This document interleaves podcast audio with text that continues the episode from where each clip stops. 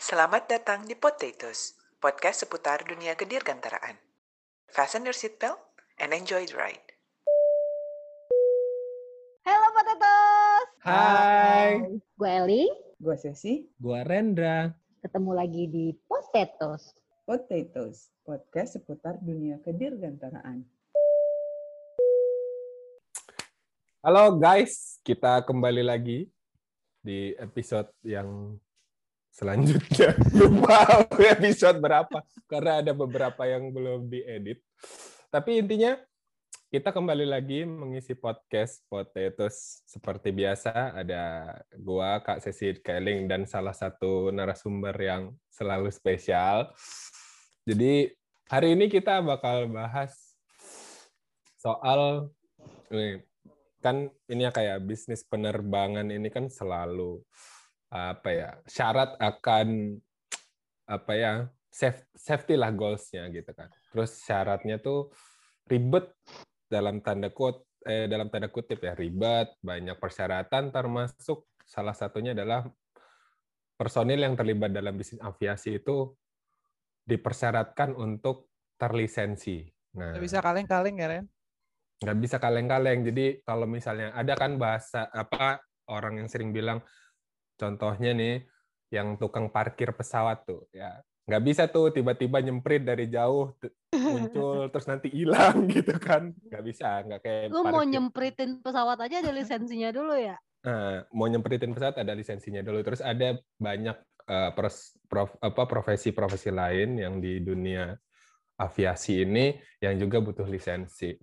Nah, ngomongin lisensi ini, kita menghadirkan sosok ini ahlinya nih.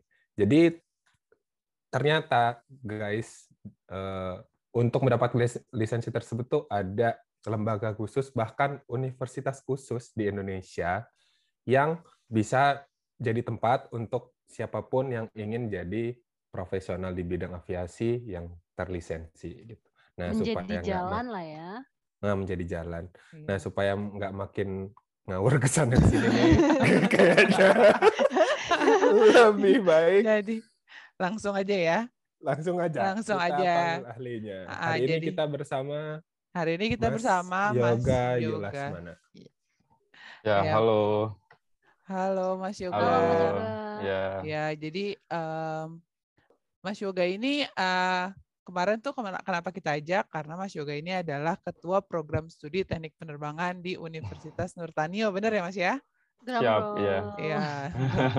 Dan ternyata Universitas Nurtanio ini adalah salah satu eh, universitas di Bandung di mana kita bisa kuliah penerbangan, tapi juga begitu lulus kita bisa dapat lisensi, benar nggak Mas Yoga? lebih tepatnya sertifikat sih ya. Sertifikat. Oh, sertifikat. Oke. sedikit lah. Oke, perbedaan boleh, boleh. Mulai- sertifikat Mulai sotoy nih, mulai sotoy.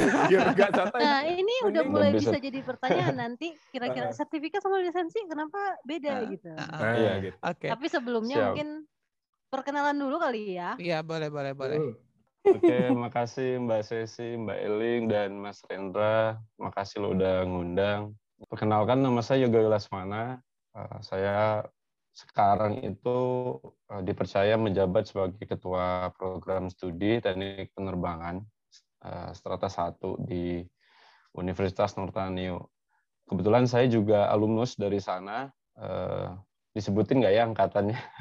Boleh. Boleh. Tapi kalau enggak juga nggak apa-apa.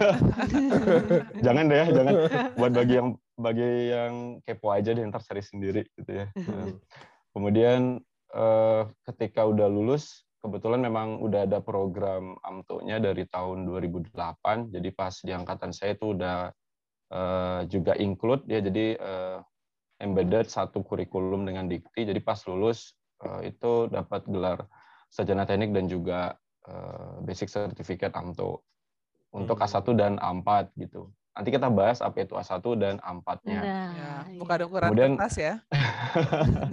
Iya kayak ukuran kertas ya. Nanti ada A3 juga tuh, lebih gede lagi. A1 paling gede berarti. Nah, eh, ketika udah lulus, eh, saya lanjutin eh, kerja waktu itu ke maskapai KT Pacific yang base-nya di Hong Kong.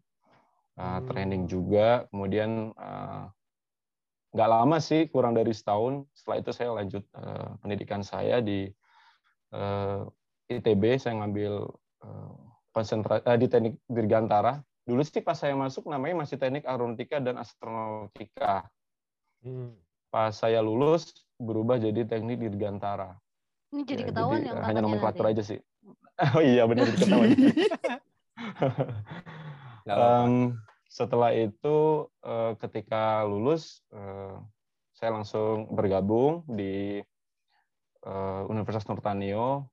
Awalnya staf, dosen tetap atau dosen hanya jafung aja ya non jabatan struktural, tetapi juga merangkap di quality inspector di AMTO. Di kita AMTO-nya namanya itu UMTC ya. Jadi harus ada DBA-nya atau doing business as-nya itu sebagai UMTC.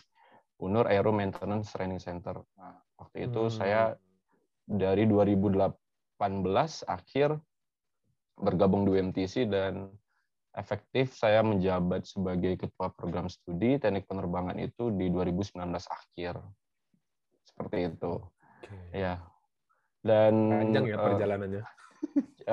cukup panjang. Sebenarnya ada beberapa yang di skip juga terkait dengan sebenarnya dulu waktu saya lulus itu eh, masih kerjasama dengan GMF ya. Nggak tahu deh kalau sekarang udah di renewal atau enggak MOU dengan MOE, eh, MOE-nya.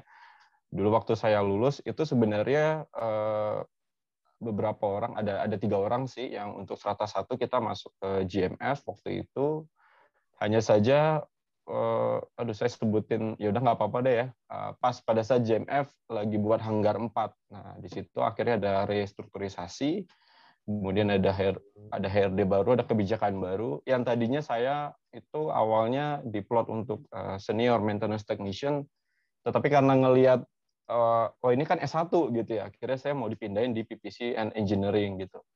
Hmm. Uh, jadi uh, discuss juga sama teman-teman dan terutama sama keluarga sih ya. Keluarga sih pengennya ya, ya, ya jangan loh udah udah uh, apa ya uh, uh, ngeluarin biaya pendidikan juga untuk yang AMTO kenapa nggak yang senior maintenance technician? Jadi uh, karena ngelihat ada apa uh, S1-nya itu akhirnya diarahinnya ke PPC and engineering jadi akhirnya saya juga uh, mulai apply lagi, alhamdulillah dapat di maskapai yang memang nempatin saya sesuai dengan uh, passion saya waktu itu sebagai EMT atau Aviation Maintenance Technician. Itu ada tiga orang, akhirnya yang dua lagi akhirnya ke BAT, ya gabung di uh, di Lion Air di Batam Aerotechnic. Tuh kan jadi ke mana-mana nanti pertanyaannya. Oh, iya. apa-apa deh. Tapi tadi apa? Jadi apa sih sebenarnya bedanya tadi antara senior eh, maintenance eh, apa technician ya sama Hmm. sebenarnya EMT dengan yang EMT, uh, eh, engineering ya. apa, apa sih bedanya? Ha? Oke, em, jadi eh, di Undang-Undang tentang Sistem Pendidikan Nasional kita itu ada namanya piramida pendidikan dan tenaga kerja ya. Dari yang paling dasar itu yang lulusan SD, nah itu kan eh, nyebutnya labor ya atau ordinary worker. Naik lagi itu ada D1, D2 sampai D3. Kalau kayak D1, D2 itu dia juga ada eh, jenjangnya junior sama senior D1, D2.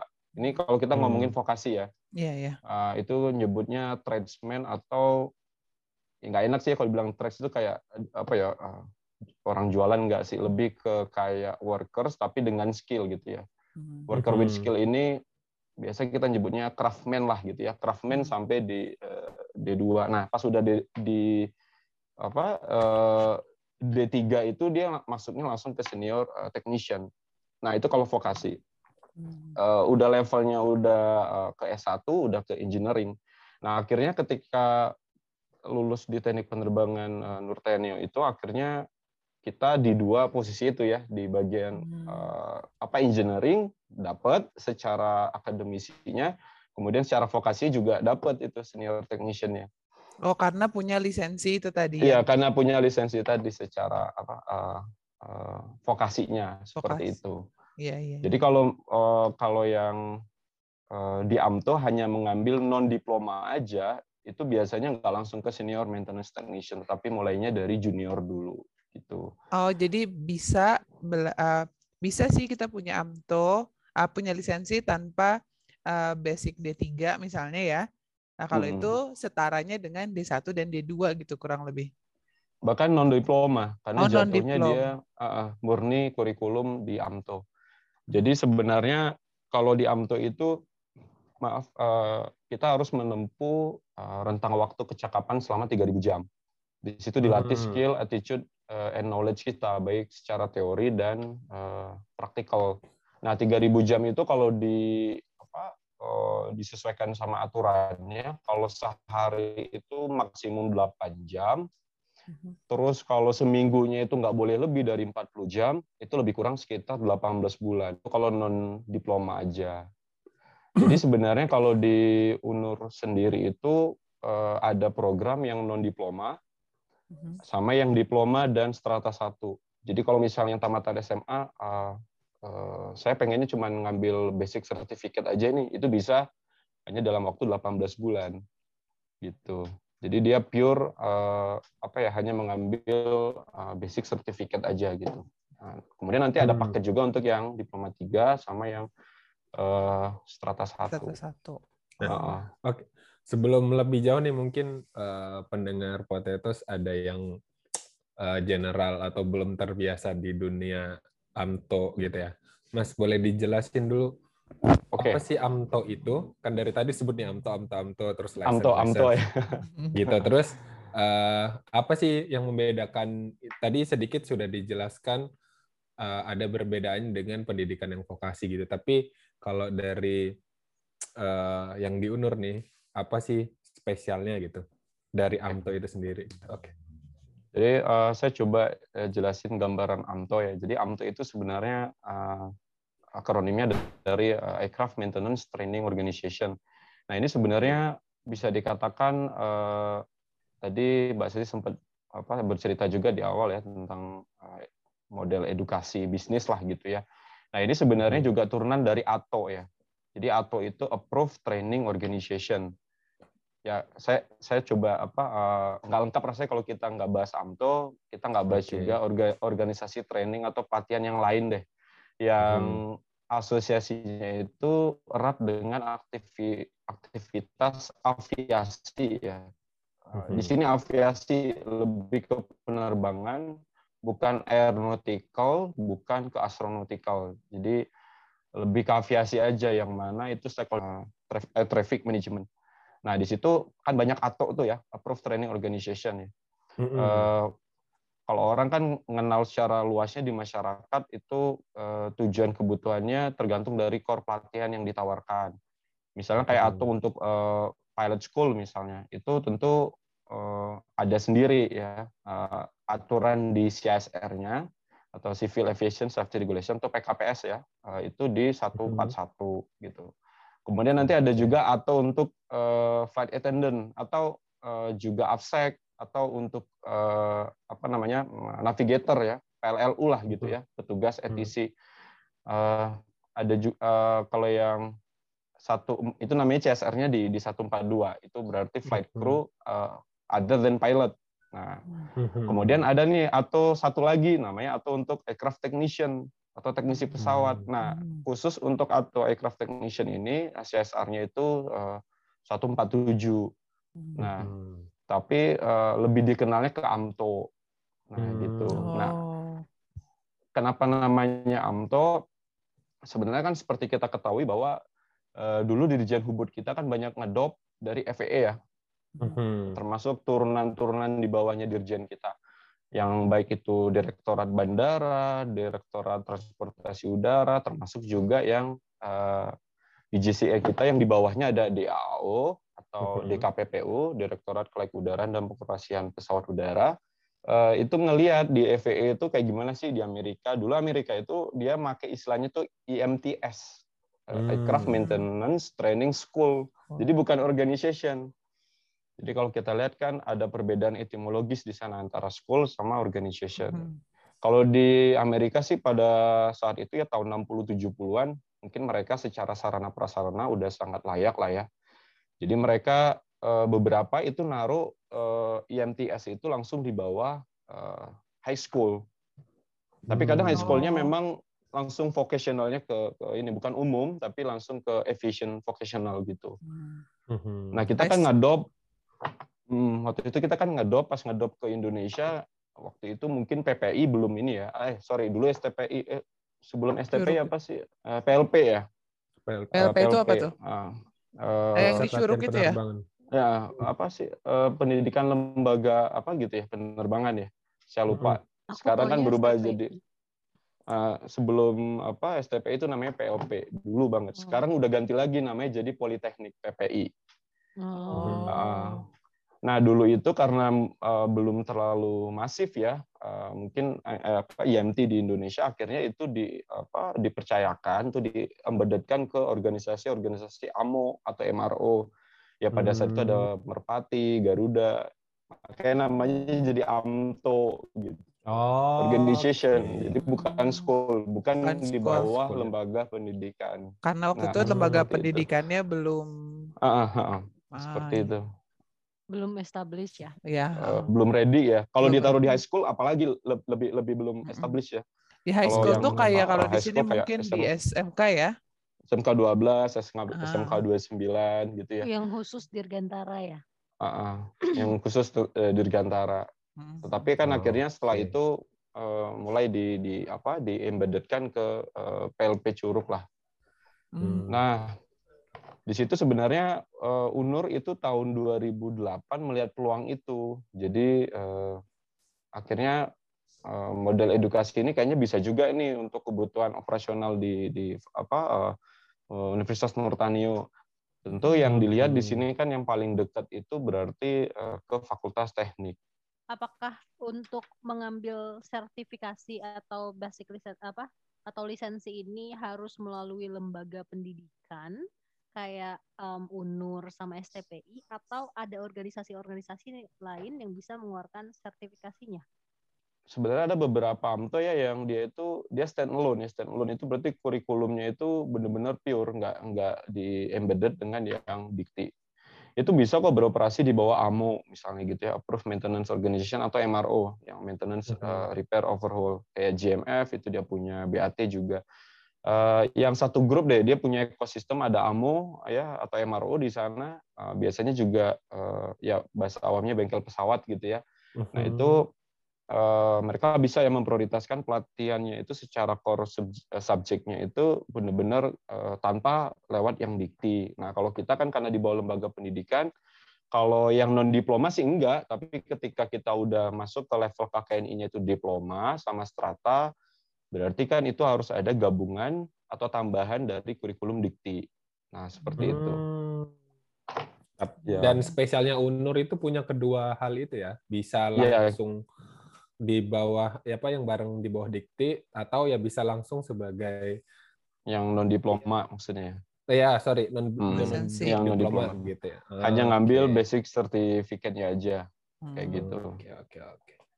Yang menarik eh, memang tadi eh, ST PLP itu juga mungkin eh, tahun 2000-an ya dia baru kayak ber- berganti nama menjadi PLP dan memang saat itu pun UNUR itu eh, baru didirikan ya kurang lebih Iya, kalau saya lihat tahun 99. 99. 99. Iya iya iya. Hmm, Jadi langsung Unur- nyambung di situ. Iya. eh, jadi UNUR sendiri itu apa eh, gabungan sih Mbak sebenarnya. Om, dulu sebelum UNUR itu namanya ADB ya, Akademi. Aeronautika Dirgantara Bandung. Itu juga udah Hmm. dibawa Yayasan eh, TNI AU ya, Yayasan Adi Upaya. Eh, kebetulan di nggak kebetulan sih sebenarnya di saat yang bersamaan di Lanut Sulaiman sana juga ada eh, STIA namanya Sekolah Tinggi Ilmu Administrasi di bawah Yasau juga di upaya TNI AU. Eh, akhirnya waktu itu mereka di merger menjadi satu universitas Hmm. supaya rumpun ilmunya lebih banyak. Nah ADB eh, itu dia bertransformasi eh, jadi Fakultas Teknik. Hmm, memang fokusnya di Nah, teknik ya dari dulu ya, Ya, ADB Fakultas ini. Teknik. Jadi Hmm. eh, ke- karena sudah jadi universitas, eh, barulah eh, apa namanya di- di- dibuat atau dicanangkan untuk program strata satunya. Kalau D3-nya memang udah lama dari dari tahun 91 yang ADB. Hmm. Ah, Kalau setianya itu dari tahun 67 di Sulaiman. Oh. setia tadi apa tuh? Sekolah Tinggi Ilmu Administrasi. Ya, Tapi tapi penerbangan juga ya administrasi penerbangan kalau saya lihat. eh, karena di ini ya, administrasi karena angkasa. Sekolah Ya. tinggi ilmu Ah, administrasi sorry. angkasa. ilmu administrasi angkasa Setia administrasi Iya. angkasa. Jadi eh, di bawah Yayasan Adi Upaya juga. Itu dari tahun Hmm. 67 sampai 99 pas sudah merger sama ADB jadilah UNUR gitu. Nah, yang Setia ini jadi fakultas khusus ilmu sosial dan politik seperti itu. Hmm.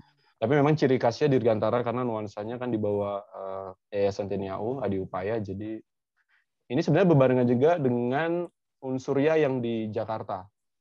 Kalau Oh. mungkin Mbak Sesi tahu, Mbak Eling, Mas Rendra di Halim itu juga ada. Mhm. Mhm. Biasanya kalau anak PN Indo juga itu eh, eh, suka main ke Unsur sana ya. Unsurya, Iya, iya. Universitas Iya, Surya unsur. Dharma. Ya, ya, itu ya. eh, bahkan sebenarnya sebelum AADB juga udah lebih dulu ya di sana sekolah apa eh, teknologi Dirgantara. Hmm. Oke. Eh, terus jadi Institut Teknologi Dirgantara sampai akhirnya jadi Unsurya. Itu di tahun yang sama sih, tahun 99. 99. Kemudian nanti diikutin oleh IDA yang di Jogja, Institut Hmm. Teknologi Dirgantara di Sucipto. Itu juga di bawah Yasau. Hmm. Dan memang Hmm. fokusnya itu lebih di vokasi ya. Kalau awalnya ya setelah udah menjadi embodiment itu masing-masing universitas dan institut, ya kita Baru fokus eh, apa ya ke buka strata fokus ke satu. akademisinya ada Hmm. gitu. Ada strata satunya akademisinya. Hmm. gitu.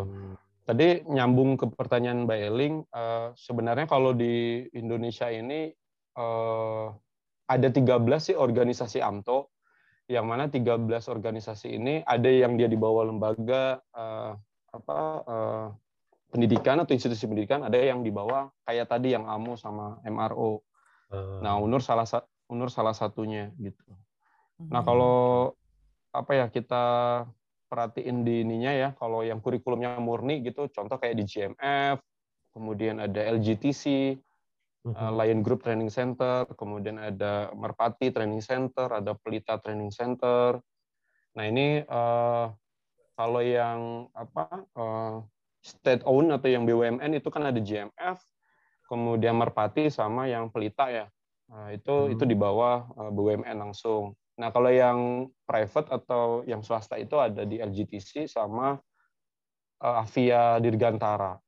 Nah itu kalau yang di bawah eh, apa eh, organisasi AMO atau MRO. Nah kalau yang di bawah eh, institusi pendidikan tinggi atau politeknik atau universitas gitu ada PPI Curug.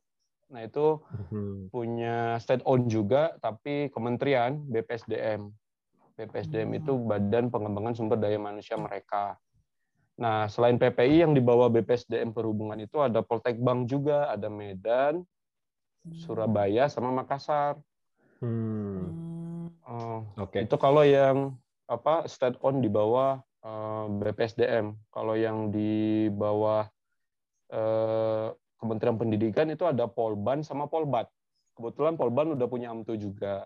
Polbat Mhm. Batam juga punya. Hmm. Nah, yang swastanya itu ada UNUR, itu dengan DBE atau doing business-nya itu UMTC, UNUR Aero Maintenance Training Center, sama STTKD di Jogja. Oh, Oke. Da- Dan kita satu-satunya swasta yang punya eh, apa ya examining authority. Ini ini beda lagi alamnya. tuh? Kalau Oke. examining authority itu, jadi selain kita udah punya AMTO, kita bisa menyelenggarakan eh, ujian secara mandiri onsite di training center kita. Jadi tanpa harus ke DKPPU seperti itu. Oh, oke. Kalau kalau di di industri penerbangan mungkin semacam DOA level berapa gitu kali ya? Ah ya, ya Benar kayak ya? design organization approval gitu. Nah, di mana kalau untuk eh, yang examining authority ini eh, dia di di di di monitoring trennya. Dia Hmm. harus eh, selama dua tahun berturut-turut ya atau 24 bulan kalender itu harus bisa meluluskan 80% Hmm. Paling sedikit 20 orang di DKPPU-nya. Kita pada saat itu pernah melewatinya di eh, di tiap kategori-kategori. Jadi AMTO ini ada kategori-kategorinya lagi gitu.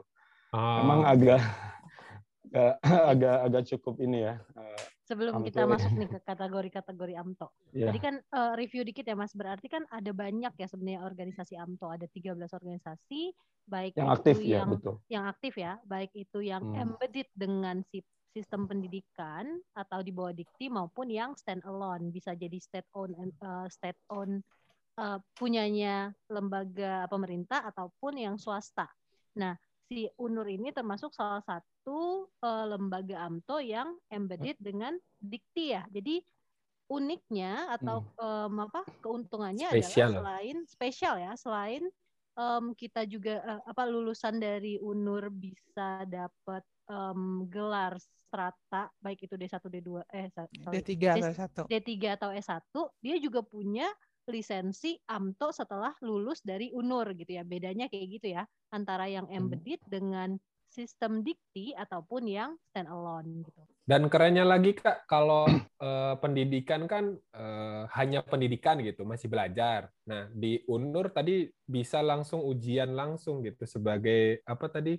Eh, examining authority. Examining authority gitu. Jadi lu bisa dapat license-nya langsung juga gitu sebagai authority apa? Eh, sebagai authority sebagai uh, uh, AMTO yang, yang di otoritas tadi ya hmm. untuk menyelenggarakan mining gitu. Jadi kalau harus ke DKPPU. Nah, kalau hmm. yang lain kan uh, mungkin hanya pendidikan tapi kalau lo mau dapetin sertifikatnya nih lo harus ke DKPPU sebagai otoritinya gitu. Hmm. Sementara gitu. itu paket lengkap banget sih udah bisa hmm. melaksanakan sendiri karena udah tadi ya statusnya udah examining, examining authority. Authority. Jadi jadi kalau gitu lagi nih. jadi pengen kuliah lagi. eh, Jadi, sekarang coba boleh, coba boleh Mas Rendra soalnya trennya lagi lagi defisit ini uh, apa uh, iya, technician-nya di Indonesia apalagi Oh gitu. Uh, nah. Iya. Nah, ini nah. menarik. Nyambung uh. tadi. Kak, sorry. ini mumpung ingat. Boleh, boleh, boleh. Tadi kan Mas Mas Yoga sebutin ada 13 uh, ini yang aktif AMTO yang aktif gitu. Ya. Dengan hmm. segala apa keunikannya. Nah, satu hal tadi juga disebutkan bahwa sebagai apa, technician itu jumlahnya sekarang uh, defisit uh, dibandingkan hmm. dengan mungkin jobnya yang di Indonesia gitu ya. Nah, dari 13 itu tuh sebenarnya sudah mumpuni belum sih untuk mencetak kebutuhan job market di Indonesia sendiri? Uh, kalau untuk angka pastinya sih uh, saya belum tahu ya Mas ya. Tapi uh-huh. buat saat ini sih belum. Bahkan uh, apa uh, kalau kita lihat di laporan tahun berapa itu yang 2020 ya. Apalagi pas Covid juga. Jadi memang ada dinamika yang ngebuat akhirnya memperburuk situasi sih ya. Karena ini kan ekosistemnya memang uh, saling berkaitan ya. Uh, selain karena memang orang uh, pada saat itu apa uh, air travel ban ya akhirnya nggak boleh terbang pesawat juga akhirnya banyak uh, yang nggak beroperasi. Itu banyak sih yang uh, beberapa unpaid leave ya.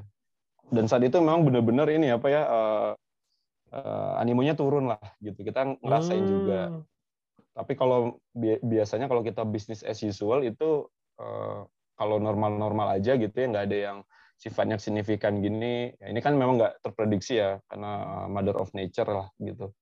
Uh, atau mungkin karena resesi ekonomi pun sebenarnya uh, ya orang sih fine-fine aja ya kalau yang namanya aktivitas ekonomi pasti tetap terbang gitu.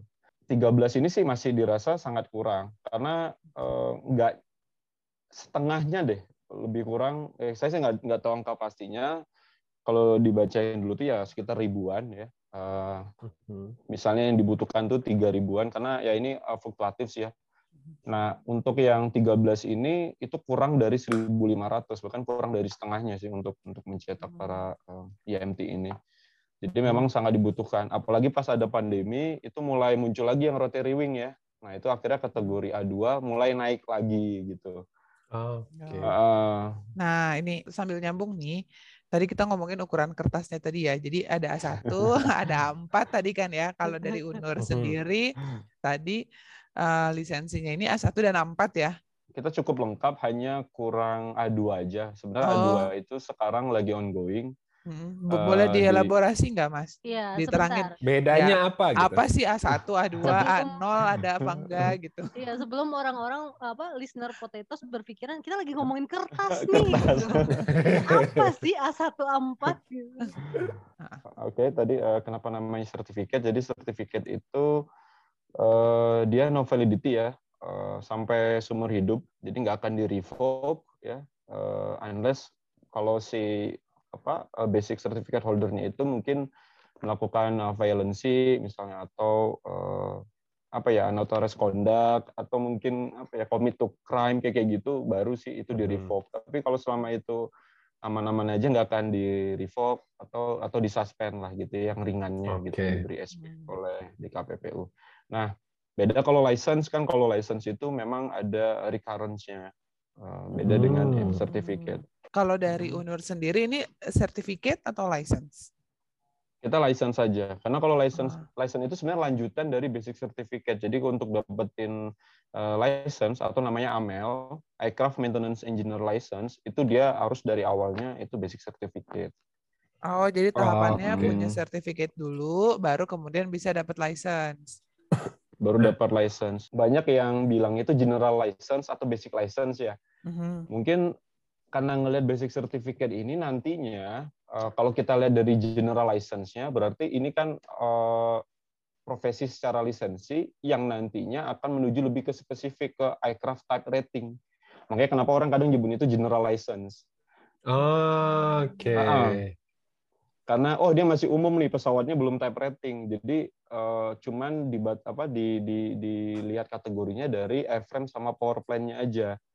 Nah, kenapa dibilangnya basic license? Ya kalau secara apa namanya karir untuk uh, sebagai engineer-nya itu masih yang paling basic, paling dasar gitu. Sedikit Mas, coba saya jelaskan Ya. dalam bahasa yang Manusia. lebih umumnya kali ya. Tapi nanti kalau salah langsung di ini aja. Siap, Jadi siap. untuk ya. menjadi seorang engineering maintenance tadi itu harus ngambil dulu yang namanya basic license. Hmm. Basic license itu kemudian eh tapi belum dijelaskan di situ bahwa orang si orang ini tuh boleh mema- apa bisa memaintenance pesawat tertentu nih yang tadi.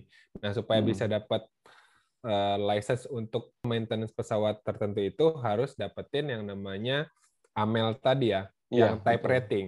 Nah, begitu. Yang type rating tadi. Lulus guys. Karena kalau basic certificate bagus banget Mas Rendra ya itu jadi kategorinya di basic certificate tuh ada lagi nanti uh, jadi ada kategori A dulu sama C kayak biar enak sebelum ada turunannya. Uh, Oke. Itu subset awalnya ada A sama C. Nah, kategori A ini yang iframe power plan. Hmm. Ah, Oke. Kem- Kemudian kalau C ini ini avionik. Oke. Oke. Nah, nanti yang A ini di breakdown lagi secara iframe-nya sama secara power plan-nya. Nah, kalau secara iframe-nya itu ada A1 sama A2. Kalau Oke. A1 itu iframe sistem untuk eh, fixed wing, Mhm. pesawat saya Hmm. tetap. Kalau yang A2-nya itu eh, iframe untuk yang rotary wing. Mhm. Mhm. Nah, nanti kalau yang power plan-nya dibagi lagi dua, ada A3 sama A4. Nah, Hmm. A3-nya itu untuk eh, reciprocating atau piston engine, itu pow- power Hmm. plan-nya. Kemudian kalau yang A4 itu power plan-nya dia pakai eh, turbine engine. Either itu Hmm. turbofan, turbo propeller, mau turbo shaft ya. Hmm. Nah, jadi misalnya eh, kayak Mas Rendra nih katanya mau kuliah lagi, ah boleh banget nih gabung gitu kan. Eh, misalnya eh, nanti eh, berarti karirnya mau ke N219 misalnya ya N219 itu Mhm. turbo propeller ya PT60. Mhm. Nah, eh, berarti kan harus ngambil A1 karena dia fixed wing untuk A1 Mhm. frame-nya. A4-nya berarti eh, untuk power plane-nya kita ngambil A4 karena dia eh, gas turbine engine, terus, eh, turbo Oke. propeller gitu. Makanya kenapa kita itu di eh, UMTC Nurtanio kita menawarkannya itu secara template-nya 1A4 karena ya kalau kita lihat kan yang paling banyak baik itu di 121 ya air operator eh, yang schedule maupun yang 135 yang on schedule itu Mhm. kebanyakan kan yang fixed wing dan mesinnya eh, turbo Gas- propeller apa maaf Gas eh, gas turbine. turbine engine gitu. Eh, jadi A1 A4. Kalau misalnya pengen ngambilnya helikopter aja gitu ya. Misalnya helikopternya eh, dia mesinnya turbo shaft berarti A4, eh frame-nya kita ngambil A2 kayak gitu. Hmm. Jadi Hmm. jadi ada ininya gitu. Kalau kayak Cessna deh misalnya. Eh, Cessna berarti kita ngambilnya A1 sama A3 karena dia pakai eh, Lycoming kan, eh, piston engine. Engine. Nah, itu kalau Nah. yang A, itu kalau yang A. Ah. Tambahan lagi, banyak banget ya, maaf. Nggak apa-apa. Menarik ini menarik. Kemudian nanti ada yang C, kalau yang C itu avionik nanti di breakdown lagi ada C1, C2, C4. Nah, kalau C1 itu radio, elektronik, C2-nya itu instrumen, C4-nya Hmm. electrical. C3-nya gitu. ke mana, Mas? Nggak ada. Jadi cuma memang memang C1, C2, C4. Emang kayak gitu nggak ada Oh, C3-nya. Oke, Ah. oke. Oke. Berarti kan tadi ada banyak nih ya kategorinya. Ada airframe Ah. dan tower plane untuk yang A, kemudian ada avionik untuk yang C. Nah, terus kalau Mm-mm. untuk em, apa namanya personil itu tuh apakah satu orang satu license atau harus ngambil Oke. beberapa license atau gimana tuh? Oke, bagus nih pertanyaan Mbak Eling nih. Nah, jadi Hmm. kalau apa eh, minimal sebagai EMT itu atau sebagai eh, aircraft maintenance technician, kalau untuk yang kategori A itu dia sekurang-kurangnya harus dua. Dia harus milih airframe-nya apa, power plane-nya apa. Hmm. Oke. Misalnya gitu. Misalnya kayak saya, saya eh, airframe-nya ngambil A1 untuk yang fixed wing. Eh, saya ada empat. Terus eh, pengen juga nih, ah nanti coba berkarir ke type rating pesawat yang piston. Ya saya ngambil lagi A3. A3. Gitu. Tapi kalau saya Hmm. cuma punya A1 aja, saya nggak bisa. Itu nggak bisa. Itu harus dua. Nggak boleh eh, apa ya, eh, impair gitu, kayak pincang gitu nggak boleh. Harus ada temennya kalau yang A. Nggak boleh Kalau yang. A ya? Harus yang A. Yang A. Kalau yang C Emang boleh harus. sendiri. Atau nah, harus kalau yang C i- tiga-tiganya? itu terhitung dari amandemen 2017 itu harus ketiga-tiga paketnya harus diambil. Kalau yang C, Hmm. yang C1, C2, C4. Kalau dulu sih masih oke ya, karena dulu itu eh, misalnya C1 aja radio misalnya. Kayak saya misalnya ngambil radio, nah itu saya akhirnya di shop. Eh, saya hanya di shop khusus eh, handling, repair, alteration atau apa pun itu yang saya maintain yang bagian radio. Nah, tapi kalau Hmm. sekarang ada lagi amto khusus untuk yang komponen namanya coma. Beda lagi, ada lagi gitu. Ah, oke. Nah, Coma itu khusus untuk komponen maintenance approval. Nah, karena ada Coma baru itu, akhirnya eh, eh, yang C itu harus ngambil tiga-tiganya. Ya ini karena impact-nya makin ke sini kan pesawat makin mea ya, more electrical aircraft gitu, apa, Mbak, Mhm. Mas. Dan Jadi, nggak bisa dipisah-pisah gitu eh, ya elektriknya ya? Ya, nggak bisa di- dipisah-pisah. Lebih apa integrated modul Hmm. gitu ya. Terus juga ada LRU-nya banyak, line replaceable Mhm. unit-nya banyak. Jadi mau nggak mau harus harus eh, di- di- dipisahkan. Kalau dulu sih eh, yang coma itu bisa dikatakan hanya ngambil satu eh, kategori aja bisa. Sekarang udah nggak nggak bisa lagi. Hmm. Tapi itu trennya udah ada dari EASA duluan sih, udah ada trennya. Kita sebenarnya ngelihat tren itu terus eh, adopt Hmm. adopting Oke. uh, tren itu di di di EASA Eropa gitu. Oke. Nah, ini karena rumit dan banyak sekali ya. Nih, Mas coba saya coba simulasi. nih. Misal saya adalah eh, anak baru lulusan SMA, ya kan? Nah, Mm. terus tahu ada UNUR nih. Wah, menarik kayaknya. Tapi pasti kan eh, saya sebagai lulusan SMA sebenarnya goals-nya adalah careers nih. Maksudnya saya pengen eh, berkarir di aviasi dan pengen jadi EMT tadi. Nah, tadi udah diterangin kalau misalnya mau ngurusin airframe sama power plant ngambil A1. Kalau mau ngambil yang terkait dengan avionics ngambil C. Nah, Hmm. tapi kan itu pekerjaannya nih. Misalnya misalnya Oke. nih eh, Hmm. mau jadi teknisi pesawat Boeing misalnya yang B737. Nah, tapi di bagian apanya terus harus ngambil apanya gitu. Jadi sebenarnya kalau di apa maintenance ini kalau secara garis besar tuh ada dua, ada line maintenance sama yang base maintenance. Oke. Nah, biasanya kalau yang line maintenance ini kan eh, untuk perawatannya tidak terlalu berat ya. Ada ada ada beberapa ada daily check gitu ya, ada e-check, eh, B-check, C-check, D-check itu letter check. Makin menuju jauh ke C sama ke D letternya atau huruf eh, checknya itu makin eh, menuju ke heavy maintenance. Nah, biasanya kalau udah eh, C-check atau D-check itu heavy maintenance-nya pasti ke hanggar. Hanggar itu pasti base maintenance.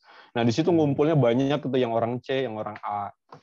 Nah, Hmm. kebanyakan kalau yang A ini kalau di line maintenance itu eh, memang mayoritas itu yang yang yang A ya. Eh, misalnya eh, kayak saya dulu eh, kebetulan pesawatnya itu wide body semua ya di KT ada Boeing 777, ada 330, ada 350 yang baru. Nah, itu eh, daily daily check untuk yang apa eh, line maintenance-nya itu pakai 14 udah pas banget gitu.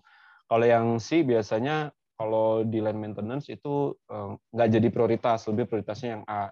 tapi yang orang-orang C itu dia akan padat karyanya ketika di base maintenance. Ketika ada instrumen yang sifatnya uh, navigation, communication, instrumen, radio gitu-gitu, itu kan kalau misalnya ada apa ya, ada failure, ada ada troubleshoot itu dibawa ke base maintenance. Nah di situ uh, banyak orang-orang C juga, A juga banyak karena uh, ya itu tadi ya sampai ke C dan ke uh, ke D check gitu. Hmm. Mungkin dulu kalau apa ya masih ingat belajar itu apa uh, prosedur perawatan kan ada yang MSG ya maintenance steering group kayak kayak begitu. Hmm. Nah ada yang pakai letter check, ada yang modelnya progressive maintenance-nya. Itu kembali lagi ke apa ya uh, uh, continuity atau continuous uh, airworthiness maintenance programnya si maskapai tersebut. Nah ini kalau udah kelihatan ya ada ada udah udah ada entitas baik itu yang AMO MRO bengkel pesawat sama si uh, airline-nya. Nah, di tengah-tengahnya airlinernya, pesawat yang digunakan oleh si airline ini gitu. Jadi uh, uh, secara uh, gamblangnya seperti itu Mas Rendra. Jadi ada base maintenance, ada line maintenance. Tapi kalau yang ngumpul semua yang kategori A sama C itu ada di base uh, di base maintenance, itu di hanggar seperti itu. Ini Oh ya sama ini, ini satu apa? lagi. Boleh, jadi, boleh. Requirement yang cukup penting juga kalau di uh, apa namanya CSR 465 ya untuk uh, licensing of aircraft maintenance. Tadi Mbak Eling kan sempat nanya uh, apakah harus uh, di bawah pendidikan aja atau uh, harus di bawah organisasi tertentu. Sebenarnya ketika si misalnya anak lulusan SMK nih, dia nggak punya apa uh, basic certificate, udah kerja di uh, AMO di bengkel pesawat ya. Uh, nanti di situ mereka dihitung experience-nya, Mbak.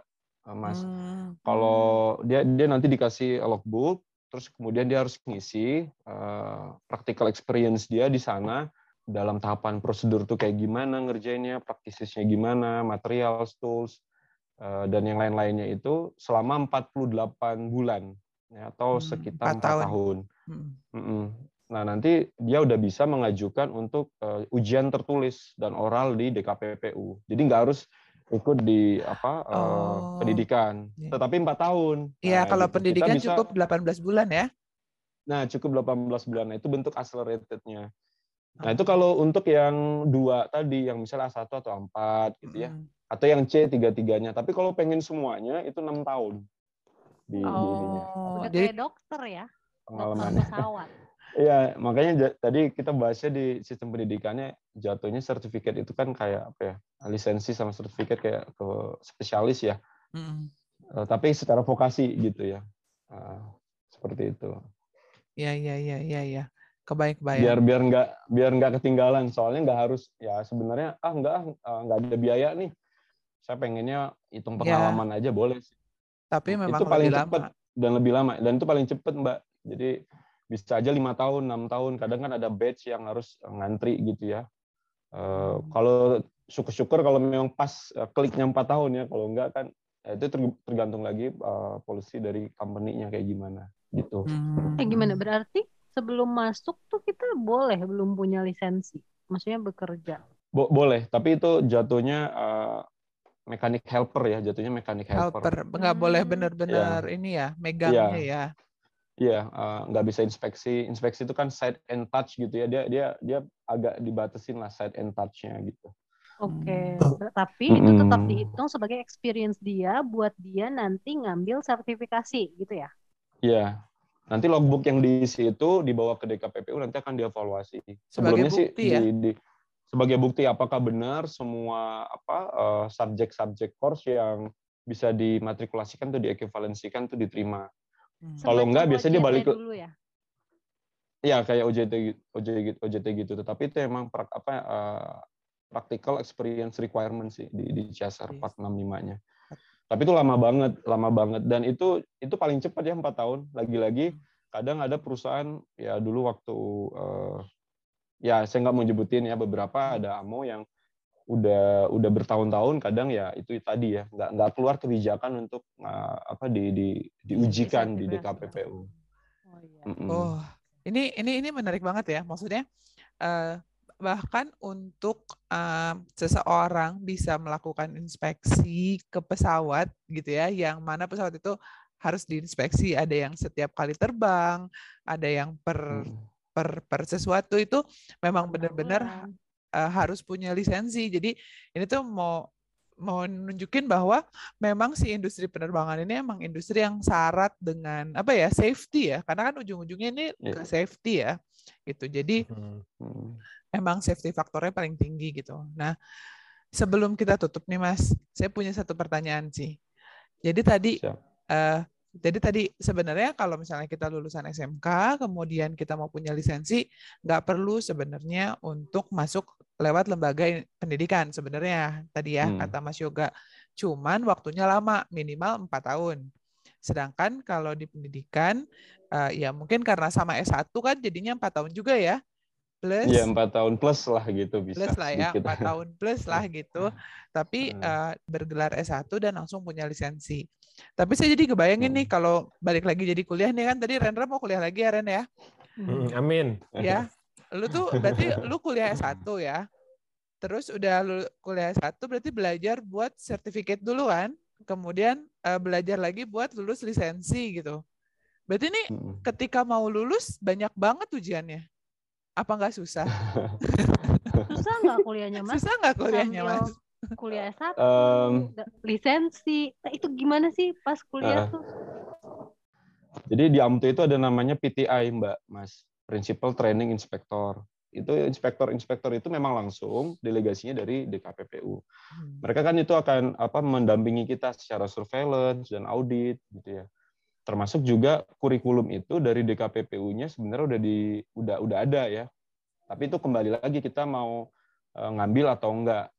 Eh, SI ya ada ada dokumen namanya SI Advisory Circular itu kan yang seperti kita ketahui itu applicable means but not only means.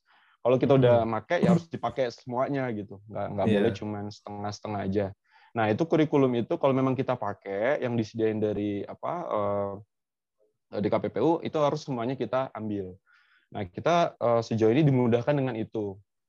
Tapi itu yang paling minimum requirement. Kalau kita mau ditambahkan boleh gitu. Setelah kita Hmm. adopt nanti kita tambahkan. Nah, itu semua jumlah jamnya itu 3000 jam Mhm. baik teori dan praktikal. Nah, karena kita Hmm. kurikulum dikti itu eh, ke SKS, jadi kita harus mengubah yang 3000 jam tadi ke SKS. Itu nanti di- didistribusiin tiap semester 1 sampai 8. Jadi akhirnya dipaketin satu semesternya 20 sampai 22 SKS, Mas, kayak gitu. Hmm. Ah, Jadi Oke. cukup ya hektik sih sebenarnya ya. Eh, karena 22 SKS itu lumayan banyak dan itu paket lagi kan. Jadi kalau mau misalnya ada gag- gagal mata kuliah, mau ngambil ke bawah nih misalnya, di saat itu kita udah mentok 22 SKS, itu agak sulit sih. Makanya memang harus Oh. benar-benar ya jangan sampai ada ada fail lah gitu. Nah, itu harus Hmm. di nilainya harus B. Karena di di CSR-nya mengatakan kalau kita satu satu mata kuliah itu kurang dari 70% dari pencapaian, nah itu kita harus ngulang, kita harus resiting lagi atau remedial. Nah, 70% itu kita terjemahkan di dikti itu adalah nilainya indeksnya B kayak gitu. Dia harus B Buset. minimal. Iya. Kalau untuk AMTO, untuk mata kuliah AMTO-nya. Iya, iya, iya. Tapi nggak semua mata kuliah itu berarti mata kuliah AMTO ya?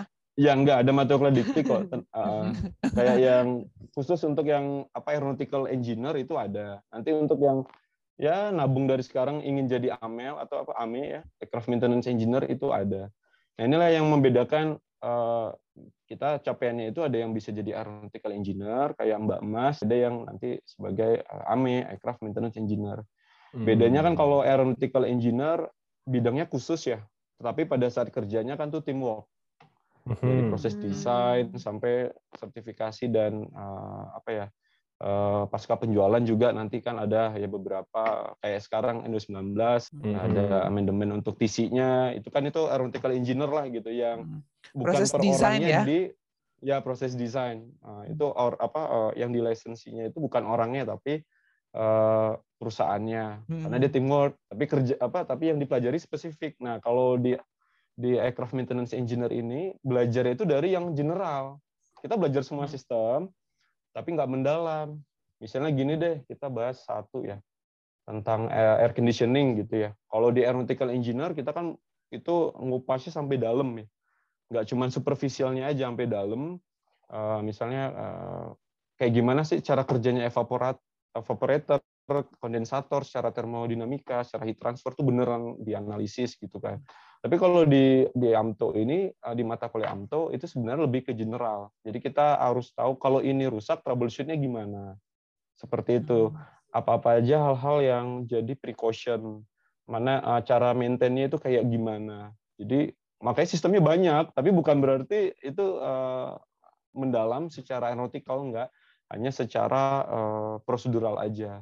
Jadi nggak terlalu sulit kok kalau apa ya uh, dibandingkan yang aeronautical sebenarnya ya nggak nggak nggak iya. terlalu sulit kok sebenarnya karena sifatnya general. Tetapi pas kerjanya nanti spesifik. Makanya kenapa harus di diberi license. Hmm. Sama kayak pilot juga kan, pilot kan sebenarnya pas belajarnya ya semua dipelajari ya, tapi nggak nggak nggak nggak dalam gitu. Pas kerjanya baru spesifik. Uh, ambil rating gitu ya baru spesifik. Mm -hmm. Ya, baru spesifik. Walaupun apa ya teamwork, tapi kan cuma berdua ya. Mm. FO sama captain. Mm. Terus yang apa uh, yang ground crew untuk maintenance juga kan ya nggak banyak juga. Walaupun sebenarnya sama-sama teamwork, tapi kan secara padat modal padat karyanya kalau aeronautical engineer tuh nggak bisa berdiri sendiri kecuali mungkin setelah lulus uh, masuk ke mana ya misalnya ke perusahaan yang memang um, apa melakukan lead banknya kayak bola golf misalnya gitu ya kenapa kok dimpel dimpel gitu itu kan juga aeronautical itu hmm. mungkin beda cerita atau apa mobil sport atau kayak uh, desain helm gitu kan itu aeronautical juga atau bilah turbin angin gitu.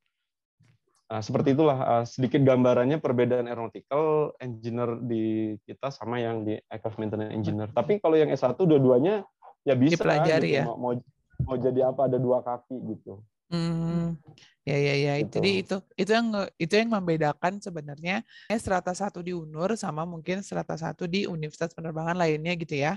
Karena ya, uh, dia nanti bisa memilih mau jadi design engineer atau mau jadi maintenance engineer gitu.